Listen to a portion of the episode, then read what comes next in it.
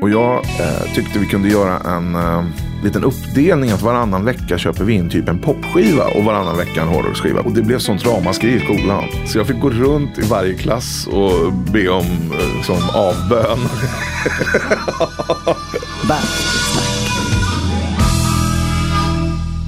Hej och välkomna till avsnitt 37 av Bastusnack. Podden där jag, David Granditsky, sätter mig i bastun och eh, snackar lite med mina vänner och bekanta. Bastusnack sponsras av Tylö Bastu. Tylö Bastu är en självklar samarbetspartner när man har en podd som spelas in i bastun. Jag har ju själv ett energisnålt Tylösands Sport bastuaggregat som inte bara är snyggt utan även säkert för mig som har småbarn i och med att ytan är flockad så man minimerar risken att någon bränner sig. Och så tar det bara drygt 20 minuter för att bli varmt vilket gör att man kan spontanbasta mycket lättare. Gå in på www.tylö.se så kan ni se hela deras sortiment av allt från bastuaggregat till bastumössor. Ja, där kan ni till exempel också konstruera ert eget basturum. Tylös basturumserie Harmony designar du själv på hemsidan och sen kommer allt sammans hem till dig i platta paket som lätt sätts ihop utan specialverktyg. Beställ ett redan idag så kanske du kan höra nästa avsnitt av Bastusnack i bastun. www.tylö.se Bastusnack har en Facebook-sida också där jag publicerar lite bonusmaterial ibland. Kolla in den! Ni som lyssnar direkt från bastusnack.se ska också veta att man kan lyssna via Apple Podcast också, eller Spotify, eller Stitcher, eller Acast och många andra plattformar. Prenumerera där så får ni avsnitten direkt i mobilen och missar inte ett enda avsnitt. Ja, dagens avsnitt är alltså keyboardisten, arrangören och kapellmästaren Mattias Bylund. Övikskillen som varvar sin tid mellan att vara kapellmästare på Bingolotto i Göteborg och göra stråkinspelningar åt Max Martin i Los Angeles. Hur han lyckas med det får ni strax höra. Mattias ramlade in här på alla hjärtans dag med en bok i handen som han gav till mig. Hans hustru Helena Stjernström har nämligen kommit ut med sin första bok Stygga flickor kommer till himlen alldeles nyligen. Jag har precis börjat läsa den och kan meddela att det är en mycket spännande bladvändare. Den rekommenderas härmed. Snacket som strax följer är bitvis ganska nördigt. Det blir ju lätt så när man sitter med en Grammy-vinnare och vill ha reda på hur han lyckades med det. Det blir en del snack om inspelningsteknik och så nämner vi också Budwheels vid något tillfälle. Budwheels, ja det är ett begrepp som är fullständigt solklart i vår bransch men för er som inte sysslar med livemusik i Stockholm så kan jag berätta att det är en budfirma som har specialiserat sig på transporter och lagring av musikutrustning. De har även replokaler så att det är rena fritidsgården för vår bransch. Man träffar alltid gamla kompisar där. Så nu vet ni det. Resten av snacket tror jag ni förstår utan vidare förklaring. Om inte, skriv ett mejl till mig på bastusnack.bastusnack.se och fråga så lovar jag att svara i nästa avsnitt. Nu går vi över till bastun tycker jag.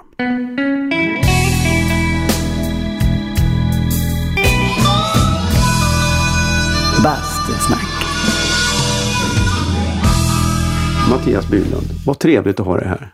Ja, väldigt trevligt Ja, att få komma hit. Du sa just att vi skulle utröna, jag, jag berättade ju att den här podden så sitter jag med mina vänner och bekanta i bastun och pratar. Och vi måste utröna huruvida vi är kompisar eller inte. Vet du vem du? Ja, vad, hände? Jag vet att vi har druckit öl på Gotia. Ah, Och i min värld så räcker det för att man ska räknas som kompis. då, man kvalar in. Det brukar väl vara den stora Stockholmskvällen där någon gång under december varje Ja. år. När eh, alla turnéer är i Göteborg samtidigt. Exakt. Det var någon av dem. Någon av dem. Och då tyckte jag att det här var en skön snubbe. Ja, ja. Mm, Men sen är vi ju intensiva Facebook-kompisar också. absolut. Eh, Men jag tycker du är spännande. Eh, Du gör ju så mycket. Ja, ehm, har haft lite så här olika trådar i Ja. livet. Man eh, försöker, har börjat försöka begränsa mig. Men ska vi börja från början? Du, du är... Det hörs ju att du inte kommer från Göteborg. Åh, tack för att du säger det. ja, men det är många eh, som tycker att det låter som att jag är från Göteborg och sen så eh, när jag är i Norrland tycker de det låter som att jag är från Stockholm. Jaha. Och i Göteborg, jag vet inte vad de tycker, men Det, det, det kommer sig av att jag är faktiskt född här i Rönninge, mm. Södertälje. Mm. Och eh, bodde där första tio åren och sen eh, precis när, när jag kände att ah, nu kanske vi ska börja på Adolf Fredrik eller något sånt där. Då, då eh, ville mina föräldrar att vi skulle få en lugn uppväxt så vi flyttade upp till Norrland. Så jag har bott i Örnsköldsvik i, under mina tonår. Liksom. Ah. Så var jag där tio år. Och sen så efter lite sådana här skolor och så, så hamnade jag i Göteborg. Mm. Och är kvar där än. Men Övik, där finns det väl ändå lite musikliv också? Va? Absolut. Ja. Så det blev en bra, jag menar den här känslan av att ha haft sitt rockband under tonåren. Den är ju skön. Det är så? så det, ja. det, det, det, hade vi. Ja, jo men jag har hört jag har hört historier om att du hade något band ihop med Morgan Höglund som spelar trummor i... Stämmer bra det. Ja, lite här och var. Mm. I tv jättemycket. Ja, jättemycket tv. Ja. Vi spelade faktiskt ihop nu i julas på mm. Stjärnjul också. En konsert som jag mm. spelar på varje år här uppe i Stockholm. Uh, jo, det var, det var Morgan. Mm. Han var med. Och så um, en annan som du säkert känner till, Mårten Eriksson. Mm. Uh, låtskrivare och sångare. Uh, så det var vi. Och, och vi var sex, sex, fem, sex killar. Mm. Lite blandat. Som hade, um, vi började som frikyrkoband mm. och, och, spelade kristen glamrock. Och sen... sen Vad kände är det där? Antingen så är det hård jättekonstig fusion eller så är det någon sorts rock. Ja. ja. Jag tror vi täckte in både och.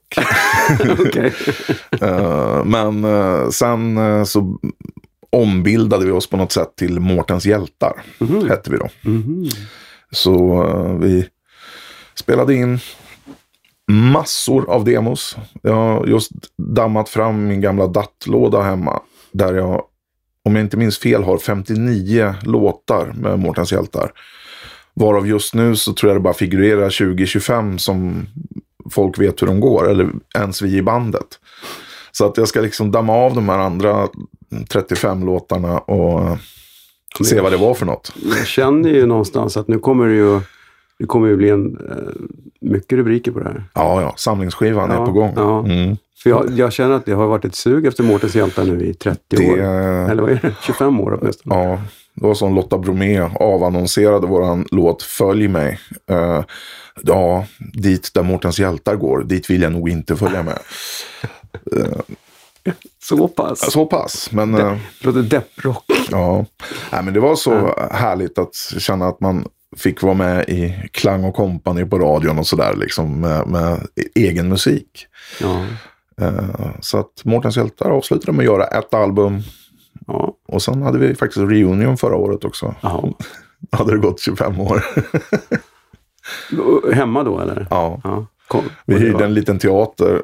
Uh, och uh, repa ihop typ plattan liksom. Och det blev ju så slutsålt va. Det är lokal, lokal ja. Eh, kändisar. Det finns inget större. Så att uh, det blev två föreställningar och wow. Marcus Näslund, hockeyspelaren, ja. kom ut som Mårtens hjältar-fan. han, har, han har varit i Vancouver och, och värmt upp till våra låtar i hörlurar tydligen. Wow! Men varför i hörlurar? Där, där jag ser ju er ja. internationella karriär där kunde ju skjutit fart. Absolut. På samma sätt som Roxette. För det var ju så det gick. Det var, någon, det var ju någon utbytesstudent som tog med sig och spelade. Ja, just det. Någon studentradio. Så vart de ju, om Marcus Näslund bara hade liksom klivit in på en lokal radiostation så hade ju ni då hade du inte du suttit här. Vi hade väl kanske ett språkhandikapp i och med att allt var på svenska, men... Eh, ja. Okej, okay. ja. Bastusnack. Hur gammal var du när du flyttade till Göteborg? Eh, då var jag 24. Ja. Eh, jag hade gått på en folkhögskola och lärt mig musikteori. Mm. Och kände att wow, det här var ju kul. Det är ju så här jag tänker när jag spelar och nu vet jag varför. Jag spelar ju piano. Mm. Och då började alla så här, nu ska vi söka Musikhögskolan. Och det hade inte jag tänkt, men eh, det vart en liten tävling. Så jag, jag hängde på tävlingen och åkte, tänkte Göteborg, det är trevligt. Där har de så här eh, Ingvar Oldsberg och Lasse Kroner och trevliga, eh, liksom, tv-programmen var så roliga från Göteborg. Så jag tänkte jag åker ner till Göteborg och söker. Och kom in där och så, jaha, ja, sen dess, du vet, om man inte tar tag i saker så blir man kvar. Du blev god gubbe direkt. Ja, Men eh, har du det hemifrån? Var det, spelades det hemma? Eller var det liksom någonting som du plockade upp i kyrkan? Eller? ja men det, det spelades hemma, det får man nog säga. Eh, Min mamma hade pianoelever hemma som kom. Så då kunde jag härma pianoläxan när de hade gått hem. Och farsan är violinist eh, och spelade i Radiosymfonikerna under min uppväxt. Så att eh, där såddes det ju ganska många frön, ser man nu när man blickar tillbaka.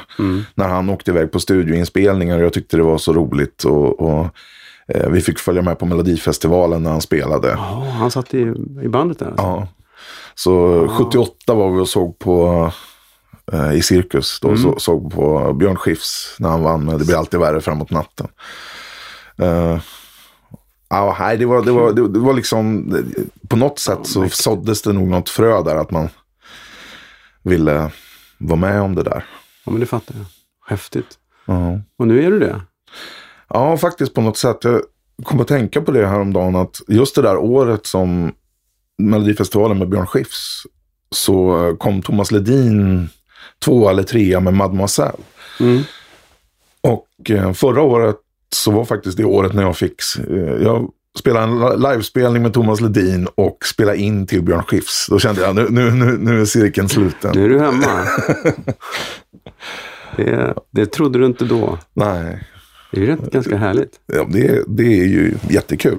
Och du har jobbat Så- med Ingvar Oldsberg också. Ja, det är också. Ja, du hör ju. Liksom, Jag omedvetet följer sin...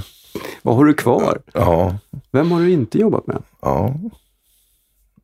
Uh, dig höll jag på att säga, men Ja. du har mixat med en gång va?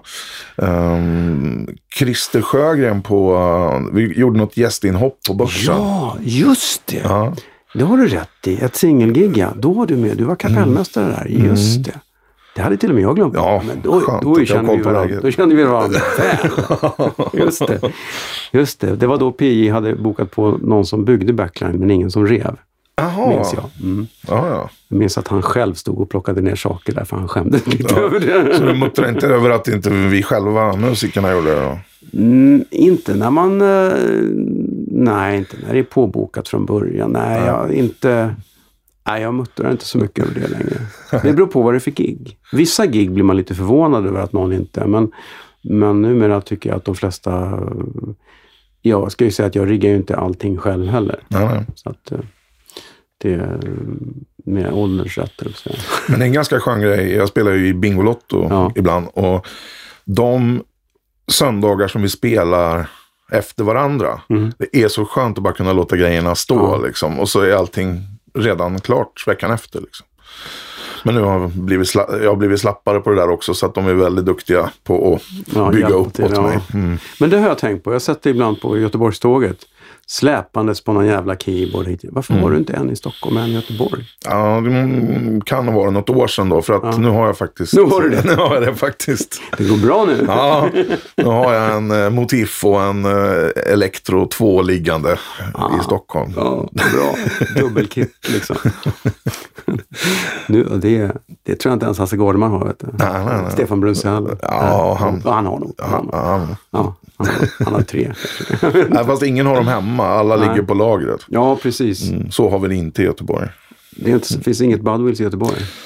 Ehm, det finns väl något liknande Budwills, men ingen som fokuserar på Nej. musikgrejen. Där, är, där kan vi tipsa Mm. Therese om att expandera till Göteborg. kan finnas.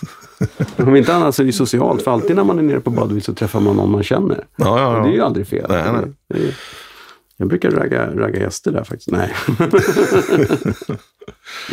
Hörru du, apropå, eh, jag kom på, det står ju här mitt framför oss, jag har ju glömt bort.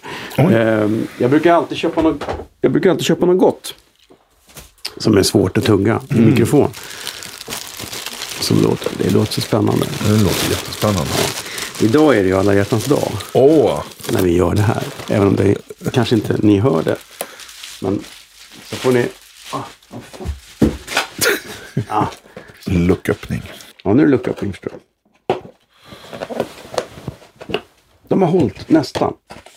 What is Biten har it? ramlat av. Detta är... Åh oh, fan. Här ska vi se. Det är någon sorts... Wow! Ser ut som ett äpple. Eller Så. ett... Ja, den heter... Um... Ja, fan. Takelse står det bara. Den hette något bra. Kärleksrundel. Ja, den heter Kärleksrundel faktiskt. Eh, Eh, ja, jag vet inte vad den innehåller, men... Jag tror att den är sprängfylld med kärlek. Vad den än innehåller tror jag är ett avsteg från min eh, PTs åsikt om vad jag ska äta. Men det... Tror du? Ja. Den är ju röd och då måste det ju vara C-vitamin eller något. Ja. Något ämne. Åh! Den här innehöll hela kostcirkeln känner jag. Mm. Men din PT har väl bara satt upp regler för Göteborg va? Det är så jag ser det. What happens in Stockholm stays in Stockholm. Så sant. Eh, Faktum är att eh, jag blev glad när, när jag skulle bestämde mig för att nu ska jag ha en PT liksom. I höstas. Och eh, jag kommer ner till eh, Hagabadet i Göteborg där. Jag har beställt då liksom. Då kommer en snubbe som heter Adam. Eh, ja, hallå du. Eh, och så känner jag igen dialekten direkt. Eh, bara, oj, en Öviksbo liksom. Men, Så att det blev Örnsköldsvik och det visade sig att han var eh, hockeyspelare. Eh, och eh, har spelat i Örnsköldsvik Hockey och tränat med Modo. Alltså, ja, när han var yngre spelade han Modo och sådär. Så han hade tränat med Peter Forsberg. Och, så det blev så här, yeah, respect. Så, så eh, jag lyssnade på honom faktiskt. ja. Annars hade det inte... Nej, just det. Fel. Men det går inte att svika. Så att förlåt. Förlåt Adam. Ja, I'm sorry. inte mitt fel. Men det är som att det är någon slags choklad... Eh, Ja. arrangemang inuti. Ja, mm, chokladkräm och något grädde. Det är nästan som chokladpudding och grädde och marsipan. Och det är liksom en riktigt barnkanalsbakelse skulle jag säga. Chokladpudding var det ja. Mm. Jag tror det är chokladpudding. jag vet inte. Får Adam jobba hårt. Jag undrar vem det är som får jobba hårt. det är väl just det här. Ja, du tänker så. Du kom in på Akis.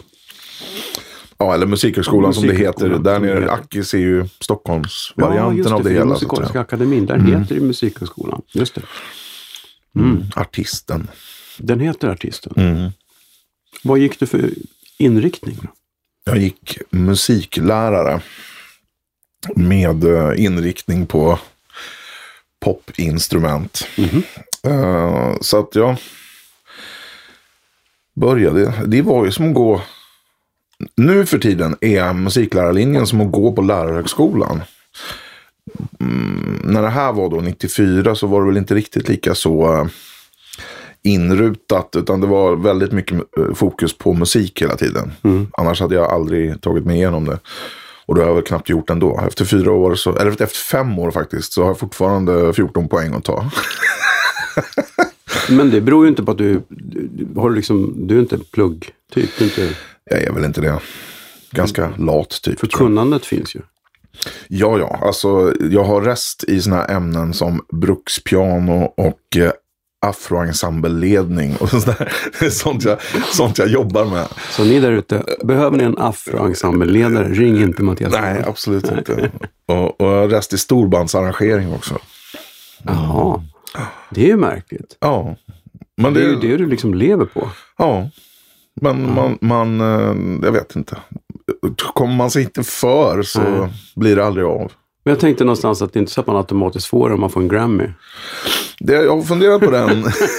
liksom, för just sådana arrangemang. Jag tar grammen under Ja, armen och går upp på Musikhögskolan och bara, nu är det dags att lösa det här. Absolut. Men du gick ut, ja, du, du gick ut nästan då med fulla, du, du har nästan gått ut. Ja, du kan inte säga att jag gick ut med fulla Nej, du har gått betyg. ut. jag gick Men du har ut. gått ut. Du gick, Jag gick ut, ut. efter några Ut år. kom jag. Ut kom du efter ett par år. Var hamnade du då? då? Då uh, blev jag en sån här, jaha, ska jag bli musiklärare nu? Och då hade jag praktiserat på en eh, skola, Samskolan i Göteborg, eh, under det sista halvåret. Och då blev jag kvar där. Så jag jobbade så här 70 procent måndag, tisdag, onsdag på eh, Samskolan. Och eh, det funkade, det var ju jättetrevligt. Ända tills jag fick en fråga om att eh, ta hand om Sven-Ingvars show som de skulle sätta upp på Rondo. Eh, för då började jag dubbelarbeta. Så då skulle jag dels... Men hur fick du det? Det är ju inte bara så att någon ringer någon random musiklärare och säger hej, vill du göra Sven-Ingvars? Nej, det är sant. jag hade kämpat på under mina skolår med att kompa alla jag kom åt Ja. på skolan. Och, så att man liksom hade fått upp en väldigt bra rutin på, på att sätta ihop band. Liksom. Mm. Och eh, Rondo, jag undrar... Jag undrar hur, hur jag fick det egentligen. Det var, det var Krall som skulle göra sin första show då. Så det var liksom, allting var helt nytt. Kralls eh, bolag hette Power Art då. Just det. Mm. Eh, så att allting var helt nytt. Och eh, ja, han kände nog inte så många musiker. Utan han fick en rekommendation om mig. Och så blev det så. Mm.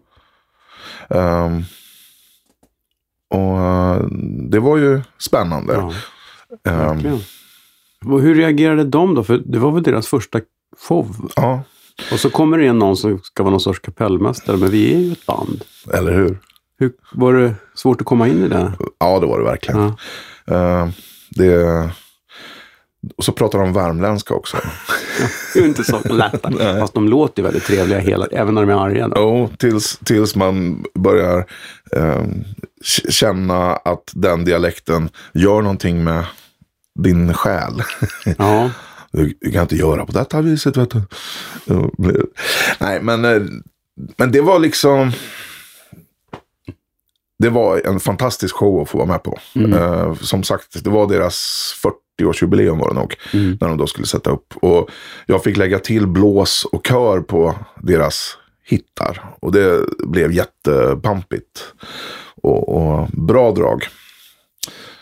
Eh, Så det, men det, det var väldigt mycket med att vara musiklärare måndag, tisdag, onsdag. Och sen spela show onsdag, torsdag, fredag, lördag, lördag.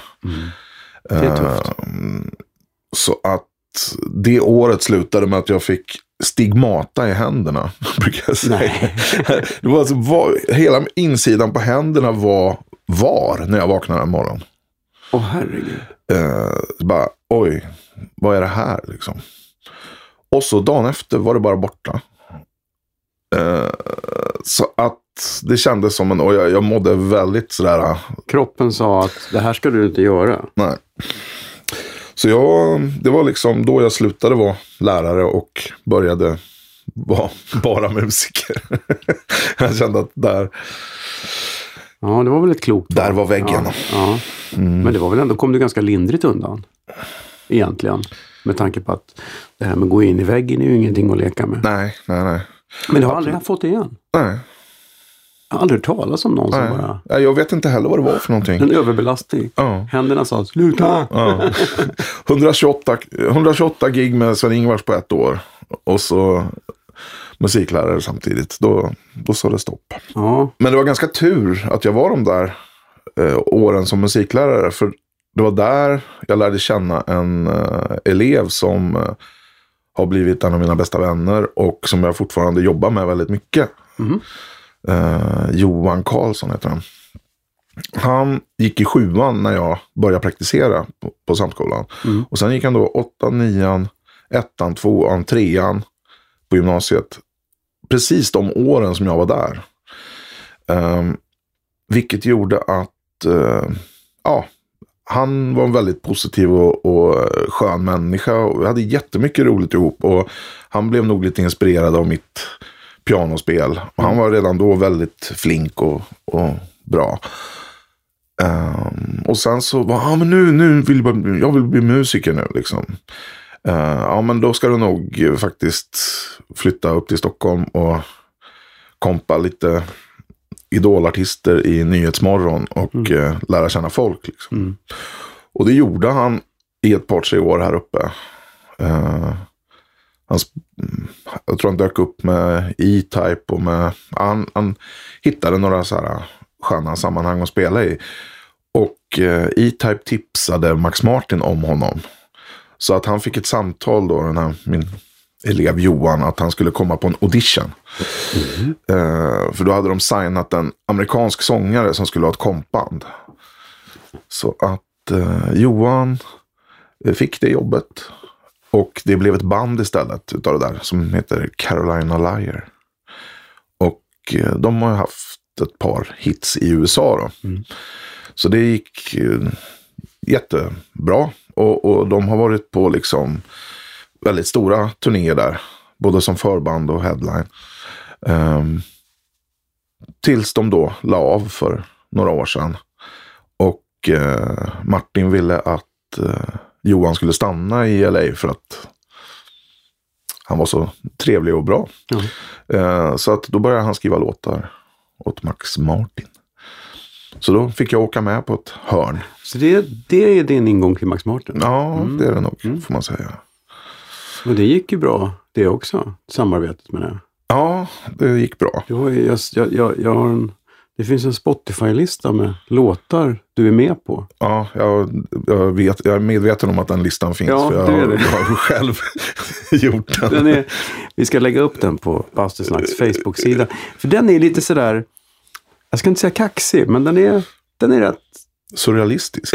Ja, det är, det är fantastiskt. Det är plötsligt, eh, men har du då, är du där mycket eller jobbar du hemifrån här och skickar saker eller hur funkar det där? Eh, jag jobbar egentligen enbart hemifrån. Mm. Eh, alltså det jag gör är ju att jag spelar arra, arrar och spelar in stråkar. Mm. Eh, eller blås ibland. Mm. Och jag är väl där ibland och, och socialisar och eh, får ofta med mig något jobb hem. Liksom. Men, men eh, jag spelar in allting hemma i studion. Mm. Eh, så det har blivit en verksamhet som, om man säger idag så är det liksom 80% stråkinspelning, 20% Bingolotto och inte så mycket mer i livet liksom. Eh, vad det gäller arbetet liksom. Inga turnéer, inga, nej. Nej, det har ju visat sig också att, att bo i Göteborg är inte lysande för att komma med på turnéer. Nej, det är ju oftast den som står närmast och de flesta turnéerna utgår ju från huvudstaden. Så att, mm.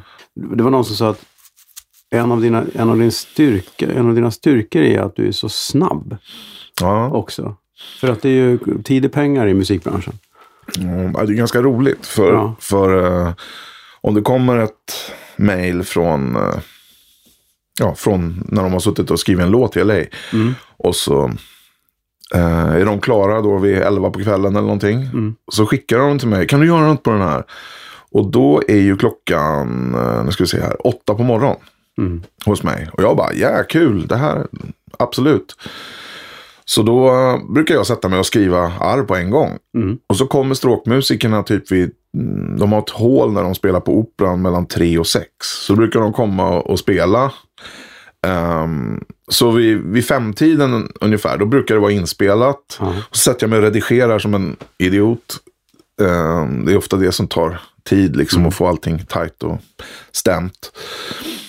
Och framåt 8-9 på kvällen så är jag klar med den låten. Och då är klockan 11-12 på morgonen i LA. Så de kommer till studion och så här, ja, då ska vi se, ska vi fortsätta på den här låten? Ja, just det, nu har vi livestråk här också. Så det är, det är ju som att de jobbar dygnet runt ja, i praktiken. Vad bra. hju- hjulet fortsätter snurra. Kul.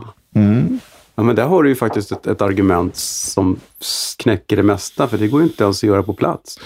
Hej, kan vi fixa ett stråkar till imorgon bitti inspelat och klart? Ja, nej. nej. Jo förresten, om vi gör det på andra sidan jorden. Det, är ju, det låter som en affärsidé. Ja, det, det är ju det det är. Vad bra. Ja, nej, men så det, på så sätt så går det ju snabbt. Men det är ju så kul också, för det har ju fått med sig att du har ju fått gå på Grammygalan. Det är Bara en sån sak. Jävligt kul. Mm. Eller? Det är ju inte att sticka under stol med att blir det större än så? Nej, det blir väl inte det. Mm.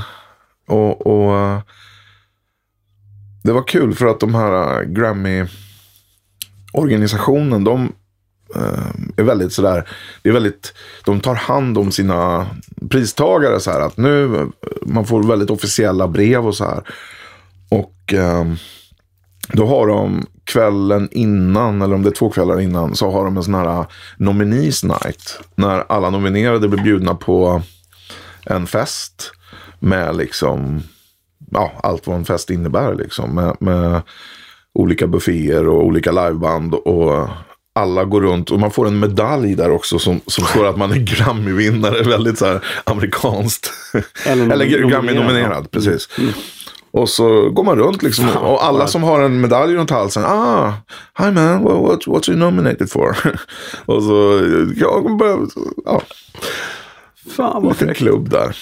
Så är det aldrig på svenska Grammisen.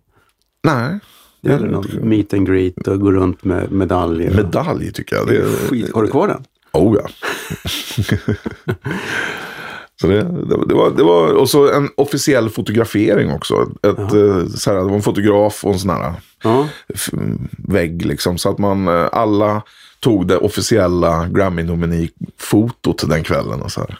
Men eh, på ett sätt också om man ska avdramatisera det så var det ju så att det är väldigt mycket så här bästa barnskiva och bästa mm, folkmusik på det och det sättet.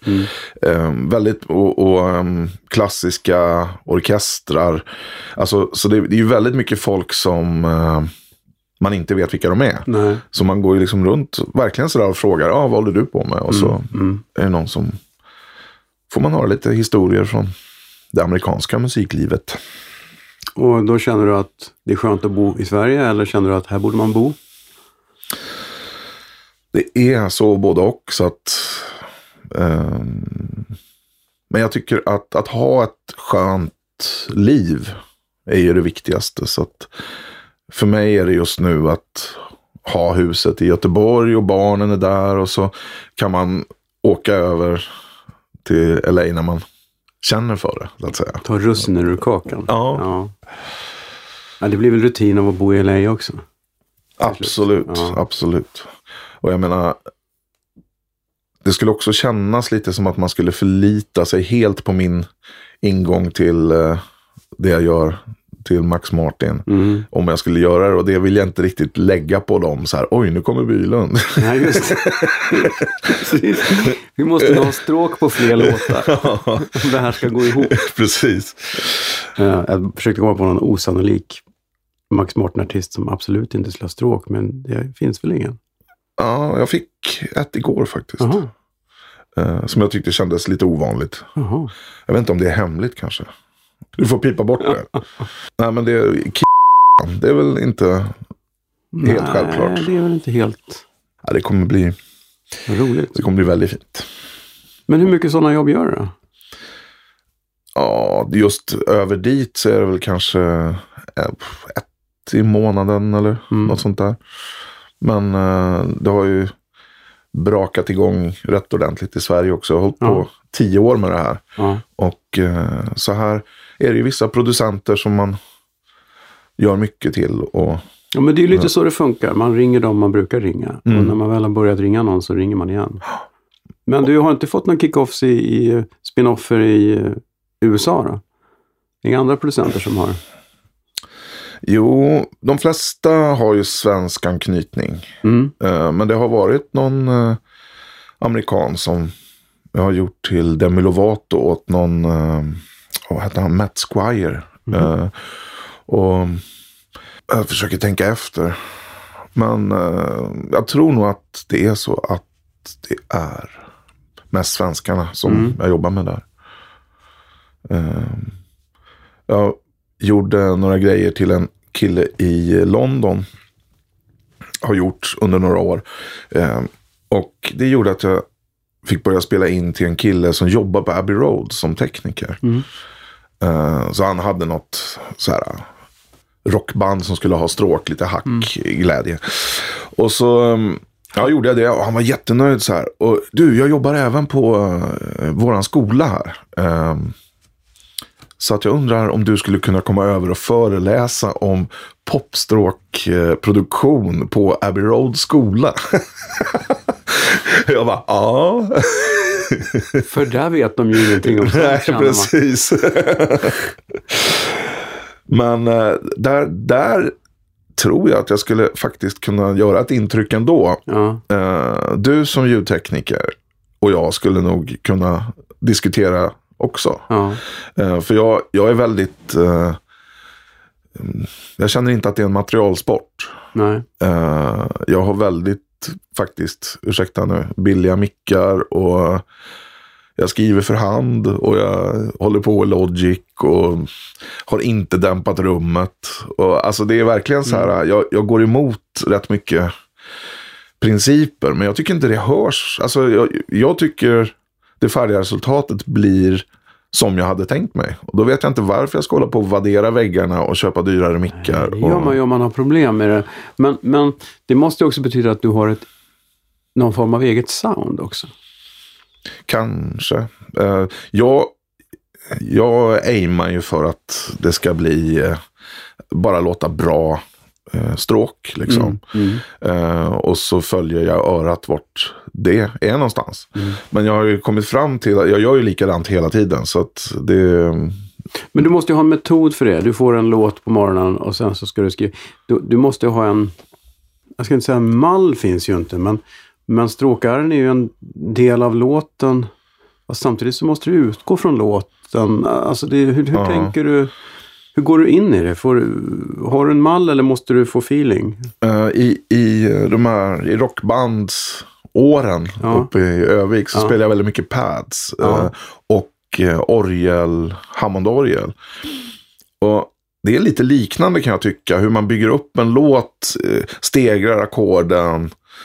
Och, så att jag brukar sätta mig med papper och penna och lyssna på låten. Och så kör jag liksom första versen. Och så i, i refrängen kommer lite ackord. Och sen i andra versen då ska det hända något roligt med stråkarna. Och så i andra refrängen då kommer en high string. Och då behöver jag inte spela in flera ackord. För då tar jag ackorden från första refrängen och lägger dem i andra refrängen sen. Och sen kommer sticket, då ska det explodera. Och så en löpning upp i slutet och så är det bara rätt in i mål. Så att på något vis så finns det väl någon slags formel. Eh, för att, eller, eller så har jag bara tur. Men nu har du avslöjat. Du är inte orolig att du avslöjar? Nej, jag, det är ingen som orkar sitta och, och redigera. Nej. Men du får ju upp chops på det också. Ja, Det går ju fortare och fortare. Du vet var du ska börja, men du, då gör du ju det från ax till limpa själv. Du har, inga, du har inte liksom tekniker och, och, som sitter och Nej. du gör hela grejen, men det kanske går fortare. jag skulle tro det. Det är om man skulle liksom skaffa sig en parhäst som Ja. är extremt bra på att Mm. redigera. Men jag menar, det handlar så mycket om, jag brukar väl liksom gå in på enstaka tagningar och pitcha liksom en fiol eller en, Mm. och, och är extremt noga med tajmingen. Och, alltså det, det är riktigt på så här, jag vet inte, just att när man ska skicka enskilda eh, stämmer till eh, producenten så måste ju varje stämma låta bra. Mm. Eh, det hade varit Inte lätt. gömma dig i mix. Nej, precis. Eh, det, så om, jag, om jag producerar någonting själv, då är det mycket lättare. Då behöver jag inte redigera lika hårt, för då, då ska ingen gå in och hålla på och lyssna hur det egentligen låter. Bastusnack. Du, du vill inte kliva in eh, och, och göra hela produktionen själv? Då? Alltså, eh, om man, om man eh, psykiskt backar till Sven-Ingvars igen, Mm. så just den här känslan av att vara den som är ansvarig för musiken gentemot artisten. Mm. Jag tycker det är lite småjobbigt ibland. Mm. Ehm, och som producent, att göra själva grejen. Att, att eh, få musiken att låta bra och hitta på arrangemangen och sådär. Absolut, men sen så ska ju både artist och skivbolag gilla det också. Ja. Och just den kontakten, det känns som att det blir så mycket eh, liksom mail och telefonsamtal och Kompromisser kanske? ja, lite, Ja. lite negativt liksom. Känner du det även om du, om det, även om, ja, det måste du känna det om du, om du sitter som kapellmästare? Ja. Att du kan inte göra din grej full out för att du måste anpassa dig till... Mm. Men, men live så är det oftast roligt att spela ändå. Liksom. Mm. Men i studio så känns det liksom, till sist sitter man bara och känner sig som en betjänt som ska göra. Så jag, jag är jätteimponerad av alla producenter som liksom gör det så bra. Jag, det är liksom en ära att få vara den här som sist i produktionen får lägga på lite sköna stråkar och så blir det bara fint liksom. Så att, ja, jag trivs ganska bra med det faktiskt. Men tar de första, om du skickar över någonting till staterna nu, tar de den rakt av? Eller kommer du, får du ofta göra om dem ett par gånger? Eller, eller Nej, då. ringer de och säger att ah, det var inte riktigt så här vi menar? Alltså, Eller vet de vad de köper? de, de vet hur jag låter tror jag. Ja, Eh, och jag brukar säga om, du, om ni vill ha något särskilt så lägg på det med en synt så hör jag liksom Ja. vad det är ni vill ha. Och sen är det en del som, ja ah, men kan du skicka midi på vad du ska göra? Bara, ah, det kommer ta mig liksom en dag extra att sätta mig och göra en demo på det. Som, så det är lika bra jag spelar in och sen får du klaga så tar jag det i nästa session. För jag brukar spela in varje vecka liksom. ja. ja. Ehm, men eh, det brukar inte bli så mycket sånt. Nej. Lappande. Mm. Eh, Jag tror att anledningen kan vara att i musik, alltså folk som skriver låtar, ehm, är inte alltid öppna för så mycket nya intryck i låten. Utan de har liksom gjort låten, så här är låten. Och då Eh, jag är inte en sån här arrangör som hittar på en massa extra grejer som hoppar fram, tada, eh, överallt. Eller, utan jag bakar in stråket i det som redan finns och följer med en Du är gitarr. trogen sorten. Ja, lite så. Och, och cellon spelar sina bastoner liksom. Och eh, highstringen ligger still på en ton. Ja, men det, det, jag vet inte, på så sätt så safear, safear jag ju lite. eh, genom att inte ta för stora risker i arrangemanget. Och sen, sen har jag faktiskt eh, en uh, spökarrangör också. Oj! Nej, men när jag hör att det är en låt som ska låta så här eh, Orup-discostråkar.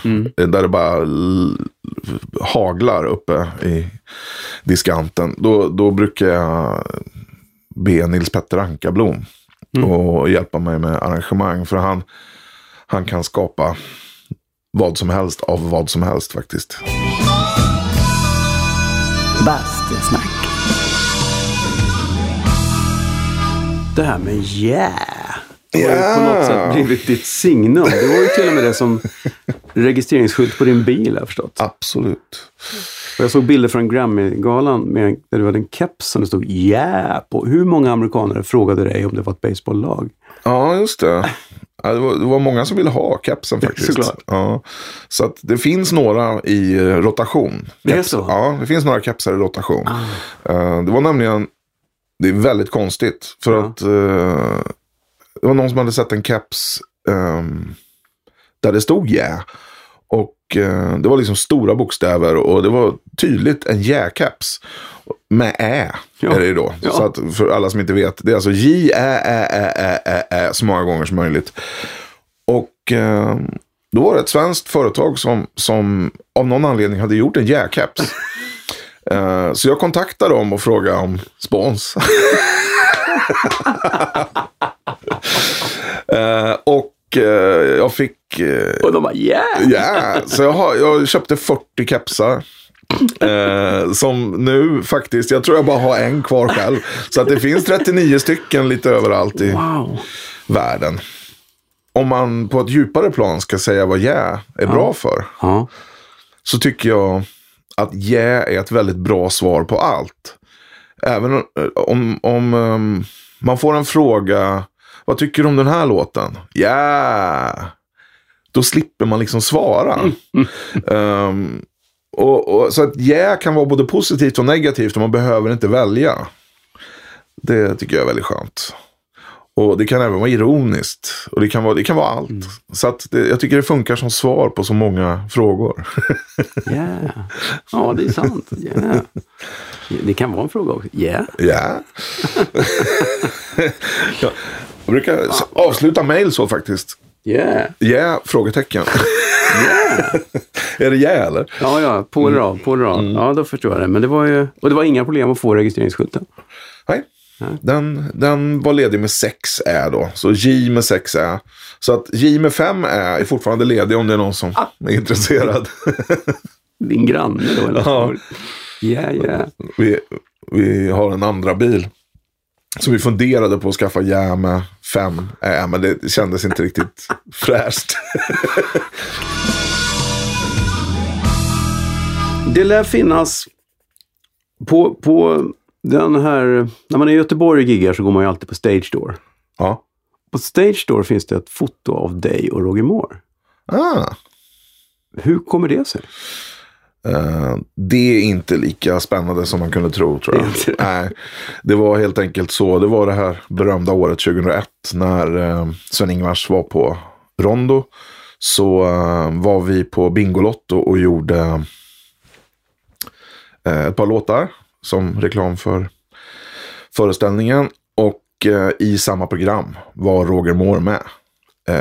Så att om man kollar på den bilden så är det Sven-Ingvars och Roger Moore. Och jag råkar bara hamna bredvid honom. Men, eh, Du är Forrest Gump helt enkelt. Ja, helt enkelt. Nej, men och sen så Power Art då som skötte produktionen var väldigt mån om att vi skulle ta en fin bild. Så det är en väldigt fin bild liksom. såklart. Men Wojtek var med. Han fick honom, han eh, signerade saxen åt honom. Okej. så, så i hans sax står det Roger Moore. Eller är det så han heter? Jo. Jo, Roger Moore. Roger ja. Moore. Mm. Jag Eller tänkte- eller heter han James Bond? Jag, Det, mm. Men Bingolotto måste du ha giggat med en del udda artister. Ja, det har jag faktiskt. Vi, ehm, vi, har, spe, vi har eh, spelat hårdrock med Björn Ferry på Lidsång. Okej. Eh, och ehm, nu ska vi se, vad heter han? Jo, eh, den gamla socialdemokraten Stig Malm var där. LO. LO. Hello. Mm. Mm. Och ehm, då eh, spelade vi bingomusik med honom vid trummorna. Oj, hur var han som trummis då? Han, han ramlade av stolen. Så att aningen instabil. Nej då, men, men det var väldigt roligt. Vi, vi gjorde till och med ett frontskinn till honom där det stod eh, Stig Malms kvintett. Det är jätteroligt. De, de är väldigt roliga på det Bingolotto. För, det- Får man en idé, då kör de bara. Det är så? Ja, så att det är Fan, väldigt roligt. Men du har varit där många år. Ja, det har blivit det. Eh, jag började komma dit som eh, eh, att vara singback. När det var singback så skulle jag fake-spela liksom. Och så sen efter ett tag fick vi börja spela bingomusiken. Eh, men inte kompartisterna. Men sen så byttes det någon producent eller något. Och helt plötsligt så trodde de att vi alltid hade kompat artisterna. Så helt plötsligt var det inga problem. Så att då började vi kompa artister. Och det, det var alltså, det här är ju 2007 tror jag jag började med det. Så det är tio år. Mm. Eh, med, med ett litet uppehåll. Kul. Ja, det, var, det, det är faktiskt... Alltså, det, det är roligt också när man kan kombinera sina två professioner. Om man säger att ehm, i och med att jag spelar in så mycket så har man lärt känna många producenter. Och när man, när man behöver backtracks till någonting i Bingolotto, då vet man vem man ska ringa till och så bara åker det filer fram och tillbaka. Så det, Det är praktiskt. det är väldigt praktiskt. Kontaktnätet är stort. Ja, och, och världen är liten. Ja, så- ja den blir ju mindre och mindre. Ja, Eh, absolut. Med det här internet använder man. Har jag hört att man... Jag har äntligen fått fiber nu efter många års. Det Letande. Fiber. Ja, det är, fiber är bra. Jag har fiber. Ja. En, en terabit, eller säga, en gigabit heter det. Ja. Det, det hjälper när man ska skicka stora filer. Det gör det. Det, shit, men vad hade du i början då? Hur länge, när började du jobba med Max Martin? Ja, just honom eh, var... Alltså mot USA tänker jag när Ja. det skickas. Nej, men, nej, men det, var, det har inte varit sådär sanslöst långsamt. Vi snackar inte sådana här 50k-modem om det var det du, om det var det du var letade efter.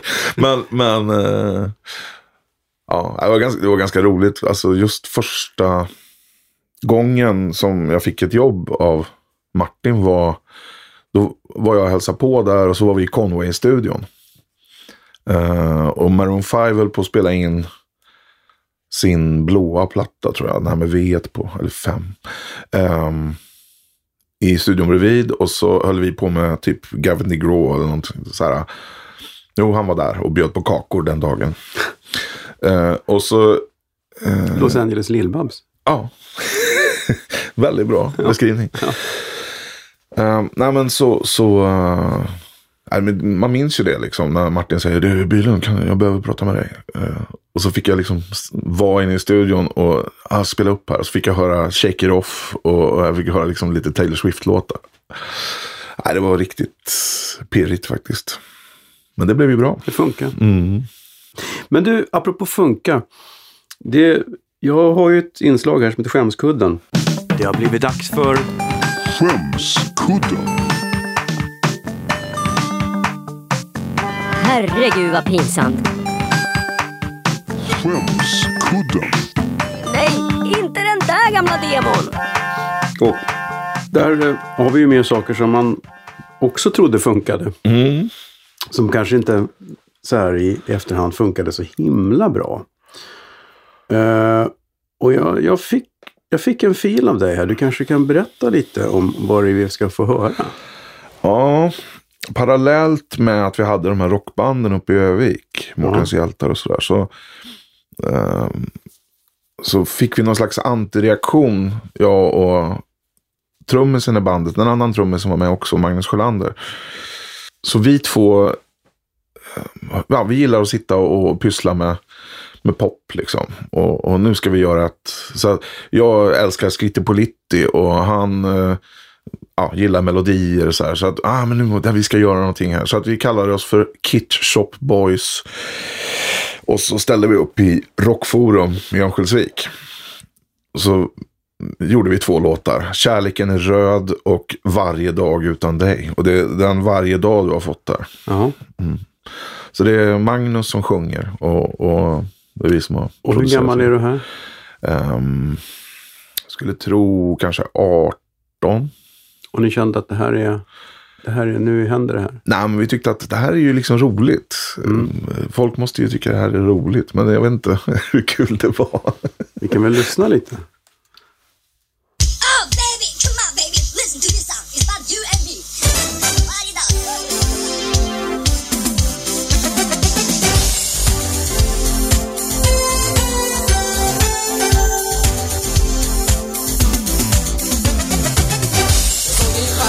Protels. Jag, jag fick använda or- Orkestra Hit. Det var ju... Skrittipolitti. Ja, det låter det- Skrittipolitti. Nej, men...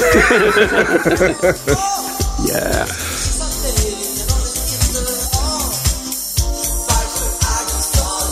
Varför är du så lång? Ja,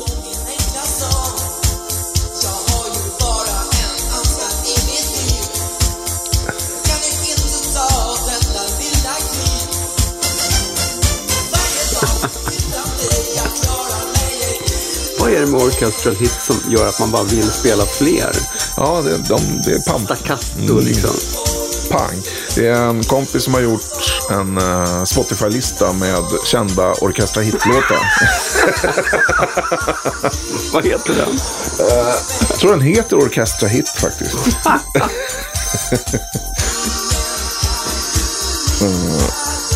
Har du spelat den här för eh, Martin? Nej, det har jag inte gjort. Taylor Swift kanske? Ja, det kan vara något. Lite schyssta stråkarrangemang på det här. Beviset på att allt går inte att rädda.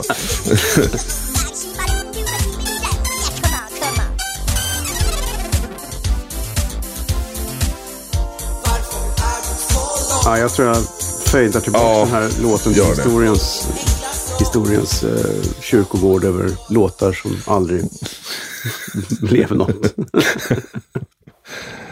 Ja, det kan man nog. Fast vi kom tvåa i Rockforum. Maren, Så att någonting blev det ju alltså, eller hur? Men vilka var med i övrigt undrar man ju stilla då. Eh, ja, eh, jag tror att de som vann uh, hette Barophobia och var ett eh, sånt tungt rockband. Liksom.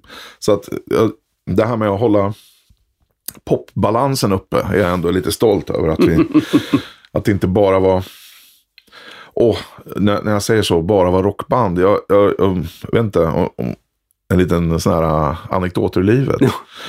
Ehm, så var jag elevrådsordförande eh, när jag gick på högstadiet.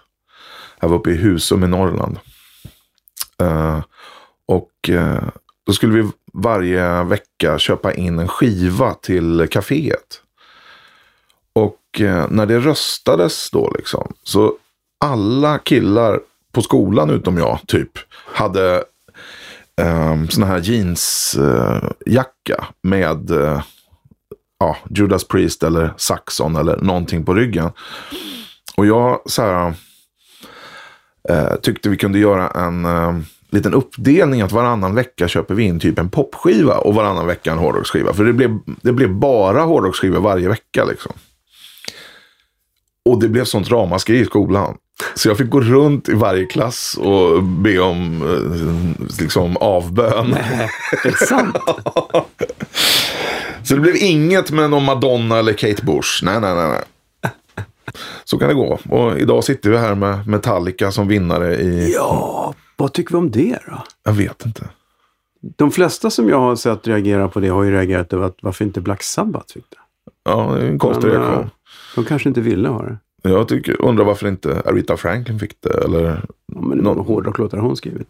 Nej, men måste det vara hårdrocks? Ja, du tänker Orkester. så. Ja, nej, nej, i och för sig, men det finns ju, det, det är ju en ständig diskussion det här med vem ska få Polarpriset.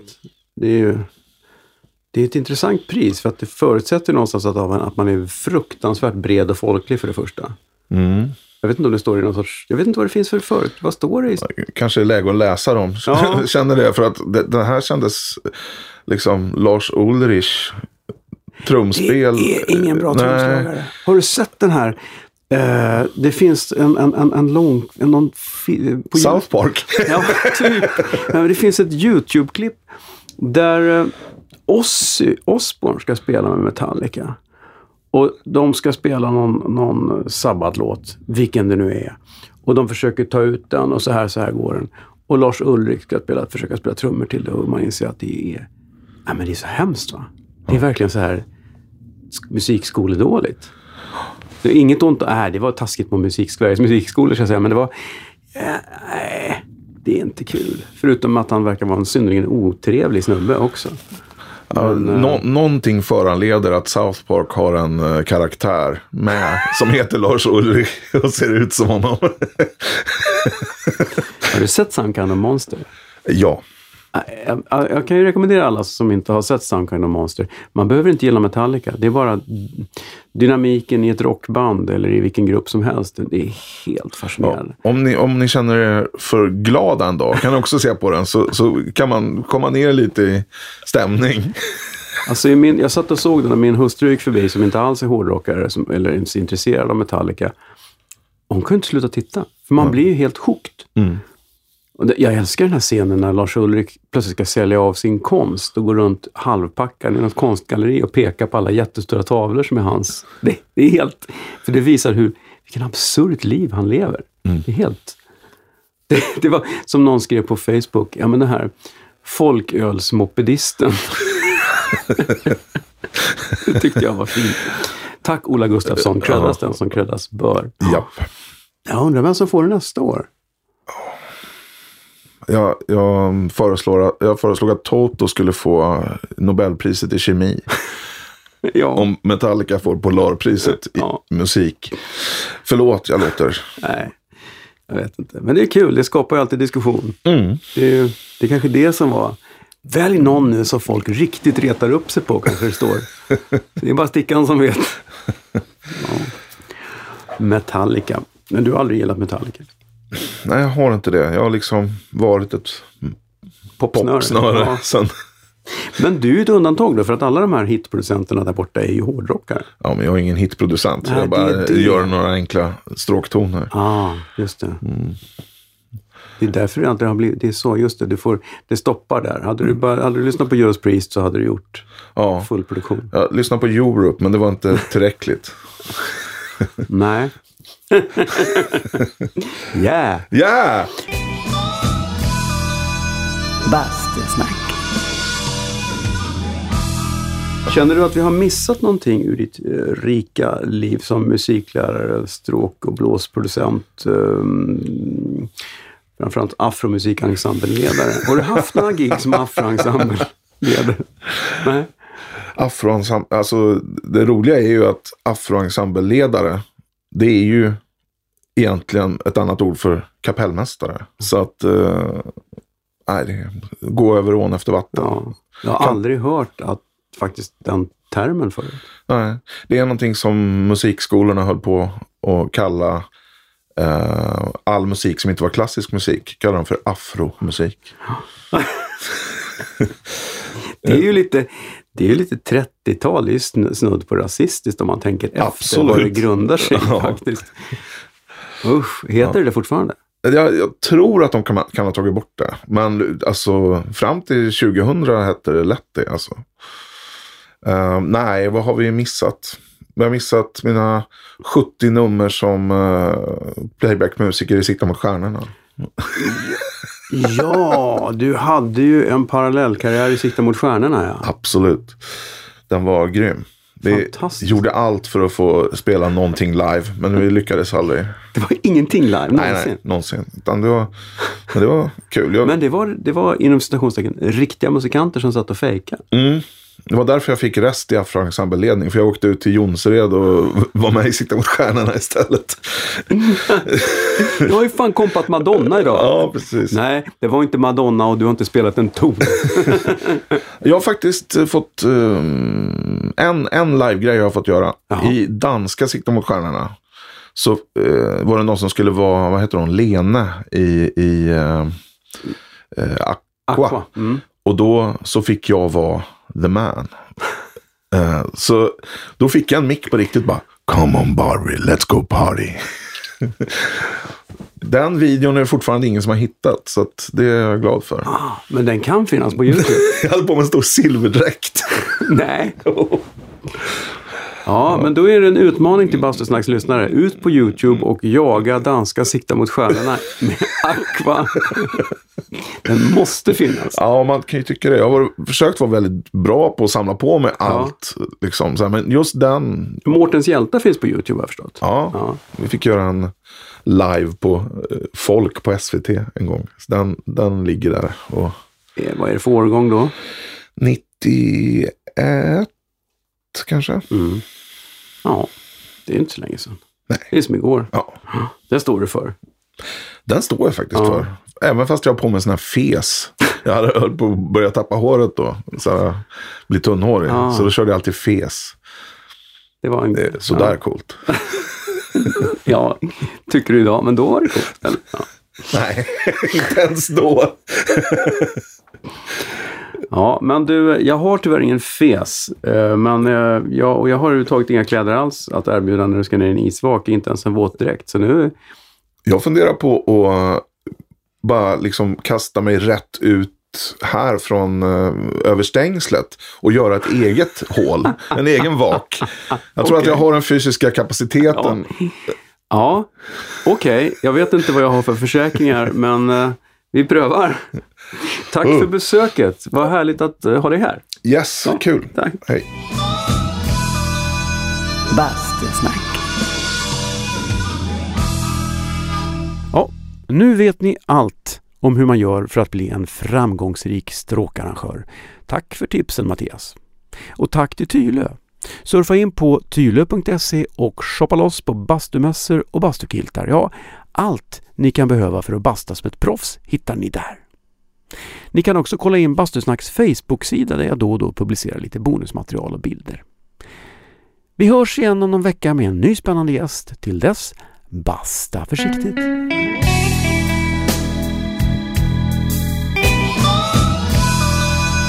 Bastusnack.